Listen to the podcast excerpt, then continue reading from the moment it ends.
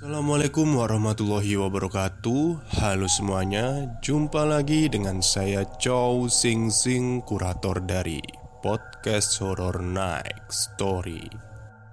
Baik, seperti biasanya pada malam hari ini Saya kembali dan akan menceritakan sebuah pengalaman mistis untuk kalian semua. Dan kemarin saya mendapatkan email Dari namanya minta disamarkan ya. Jadi saya sebut saja Diana. Jadi Mbak Diana ini menceritakan pengalaman mistisnya saat melakukan perjalanan ke Pulau Sempuh, Malang. Seperti apa kisahnya? Mari kita simak. Selamat malam Mas Chow Sing Sing. Perkenalkan namaku Diana. Di sini aku mau berbagi cerita horor saat aku dan teman-temanku melakukan perjalanan ke Pulau Sempu Malang. Jadi ceritanya begini. Waktu itu tahun 2015 awal. Aku dan teman-temanku ingin berlibur. Kami memutuskan untuk berlibur di Pulau Sempu Malang. Hari itu segala sesuatunya kami persiapkan. Mulai dari jaket, tenda, dan peralatan camping lainnya. Karena memang kami berencana untuk berkemah di sana. Kami berangkat dari Sidoarjo total lima orang Dan tiga sepeda motor. Rudi temanku memimpin perjalanan ini karena memang dia yang sudah pernah beberapa kali kesempuh. Saat itu pukul 2 siang kalau tidak salah. Kami lewat jalur Terawas Pacet. Setibanya di daerah Terawas, hujan deras mengguyur kami. Mau tidak mau, akhirnya kami memutuskan untuk berteduh di sebuah warung makan. Warung ini terletak di pinggir jalan dan saat itu memang suasananya sepi sekali. Hanya terdengar suara rintik hujan. Mungkin karena jalan raya di dekat warung ini tidak luas.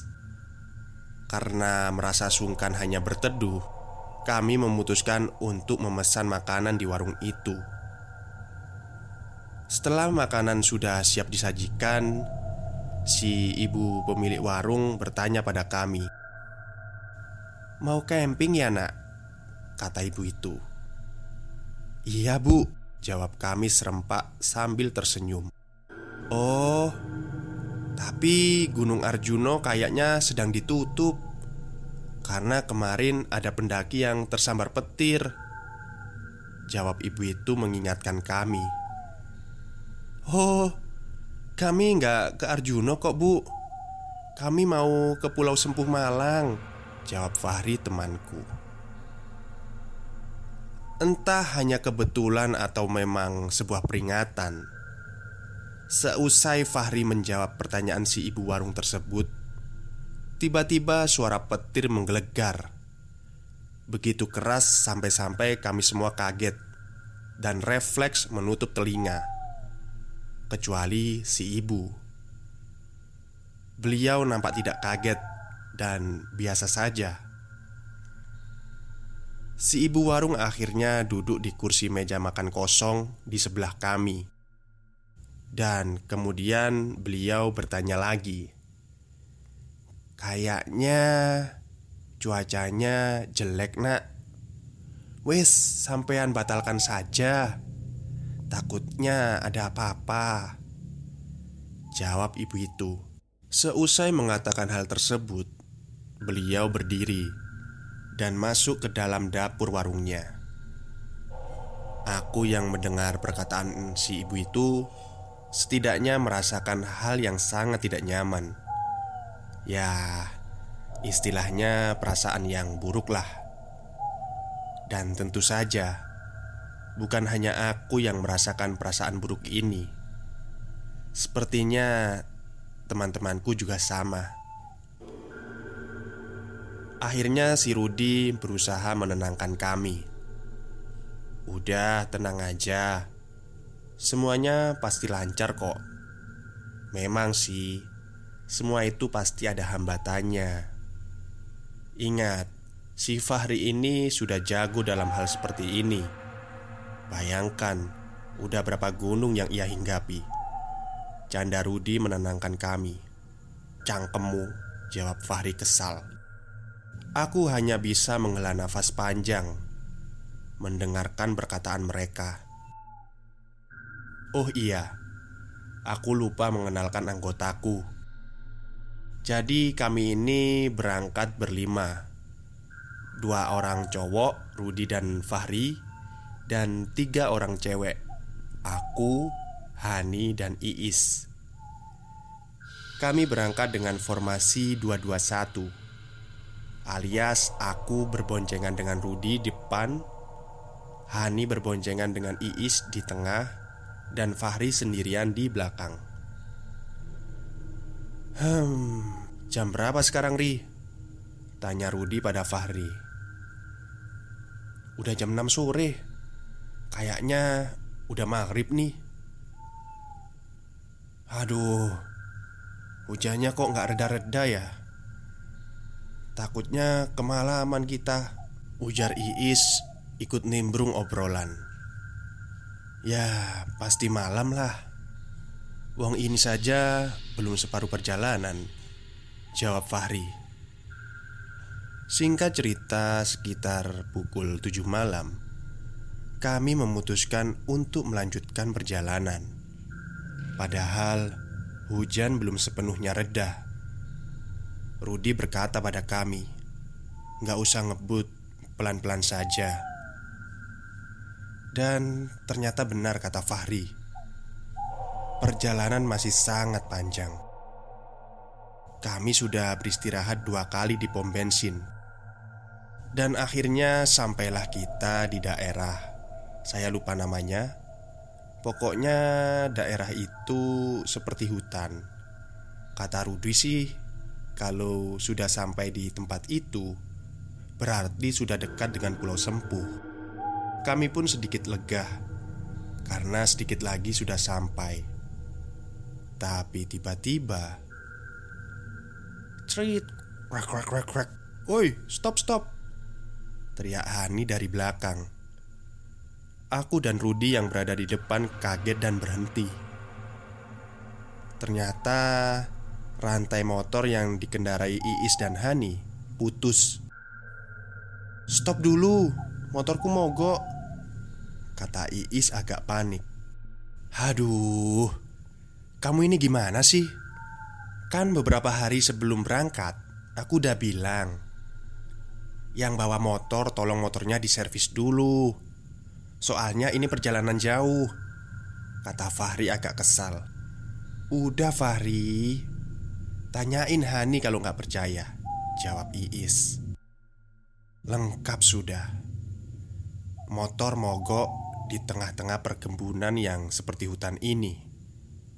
Ditambah lagi sinyal HP kami berlima lemah, bahkan tak nampak sinyal. Tapi untungnya saat itu hujan sudah berhenti. Jadi, ini gimana? Tanya Fahri pada Rudi. Hmm, kita coba perbaiki aja, Ri. Barangkali bisa diakali Jawab Rudi Saat kami berlima fokus memperbaiki sepeda motor Iis Tiba-tiba kami dikejutkan oleh suara nenek-nenek Yang muncul tepat di seberang jalan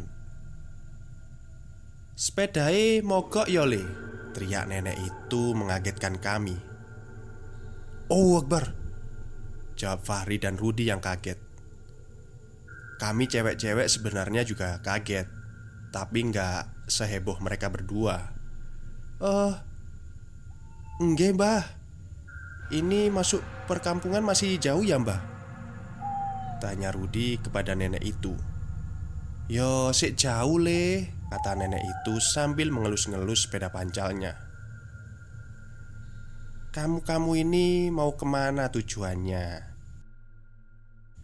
Kami mau ke Sempuh mbah Jawabku waktu itu. Oh alah. Ya wis. Sekarang turuti apa kata saya?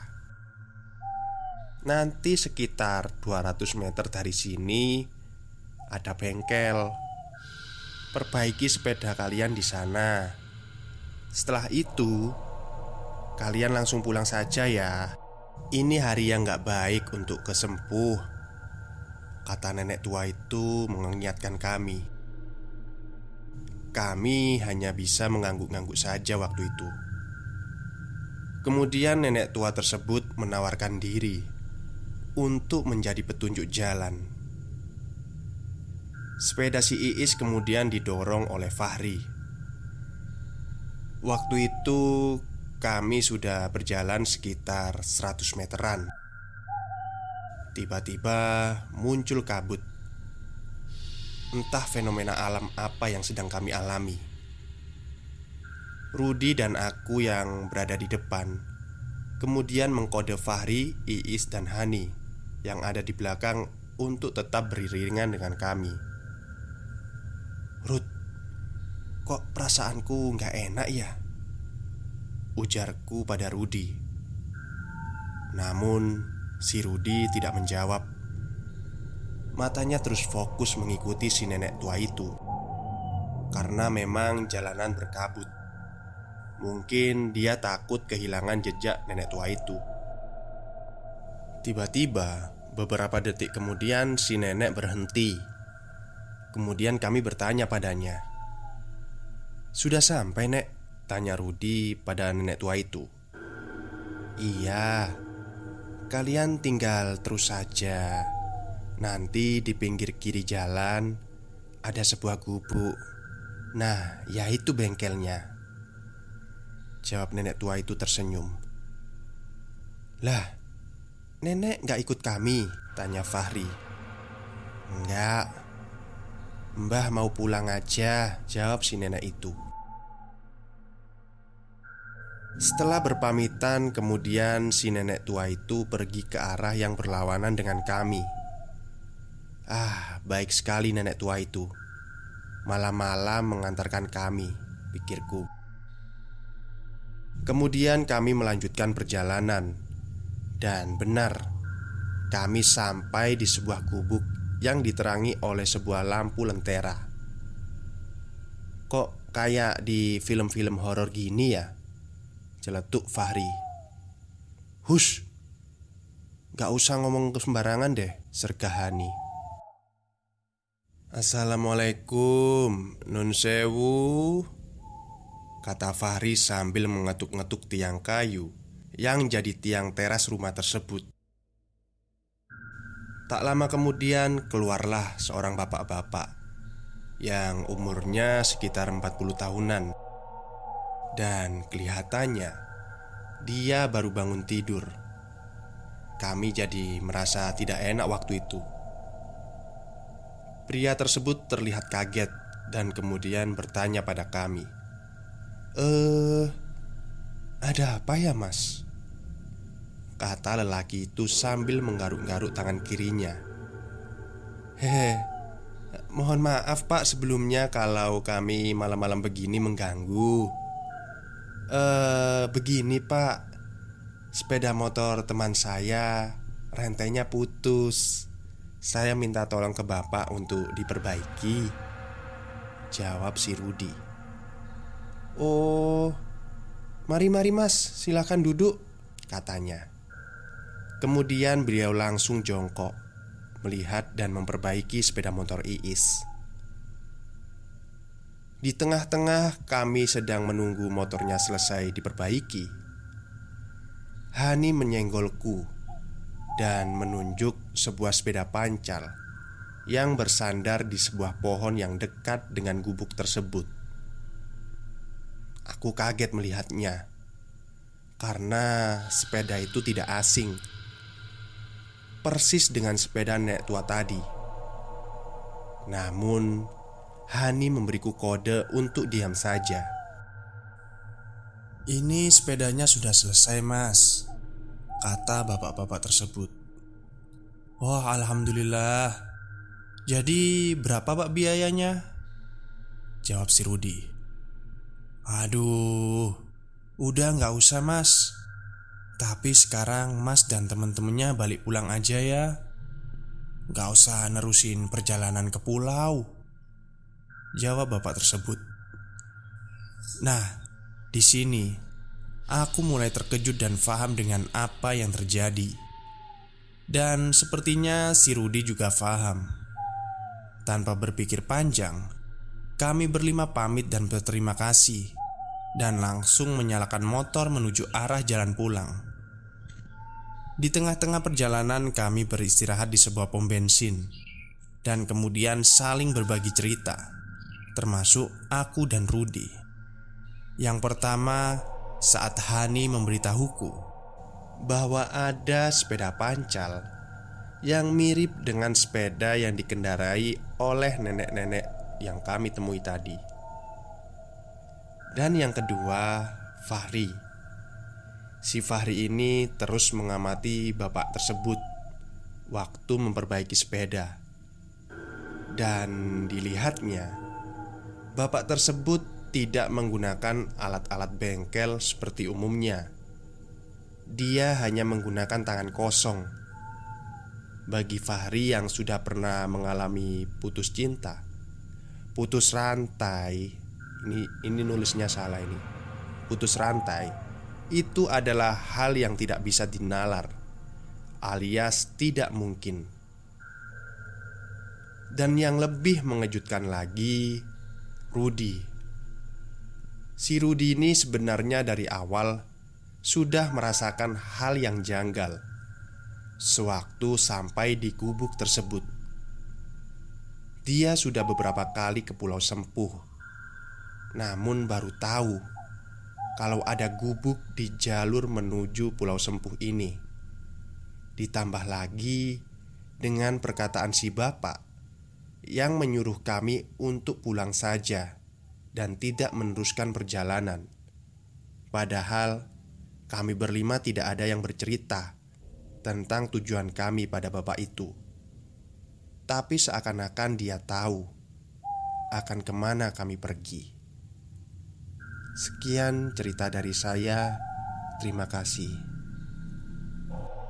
Baik, terima kasih kepada Mbak Diana yang sudah mengirimkan pengalaman mistisnya kepada kami. Dan semoga Anda tidak pernah mengalami hal tersebut lagi ya. Oke, mungkin itu saja cerita malam ini. Kurang lebihnya saya mohon maaf bila ada kesalahan. Selamat malam dan selamat beristirahat.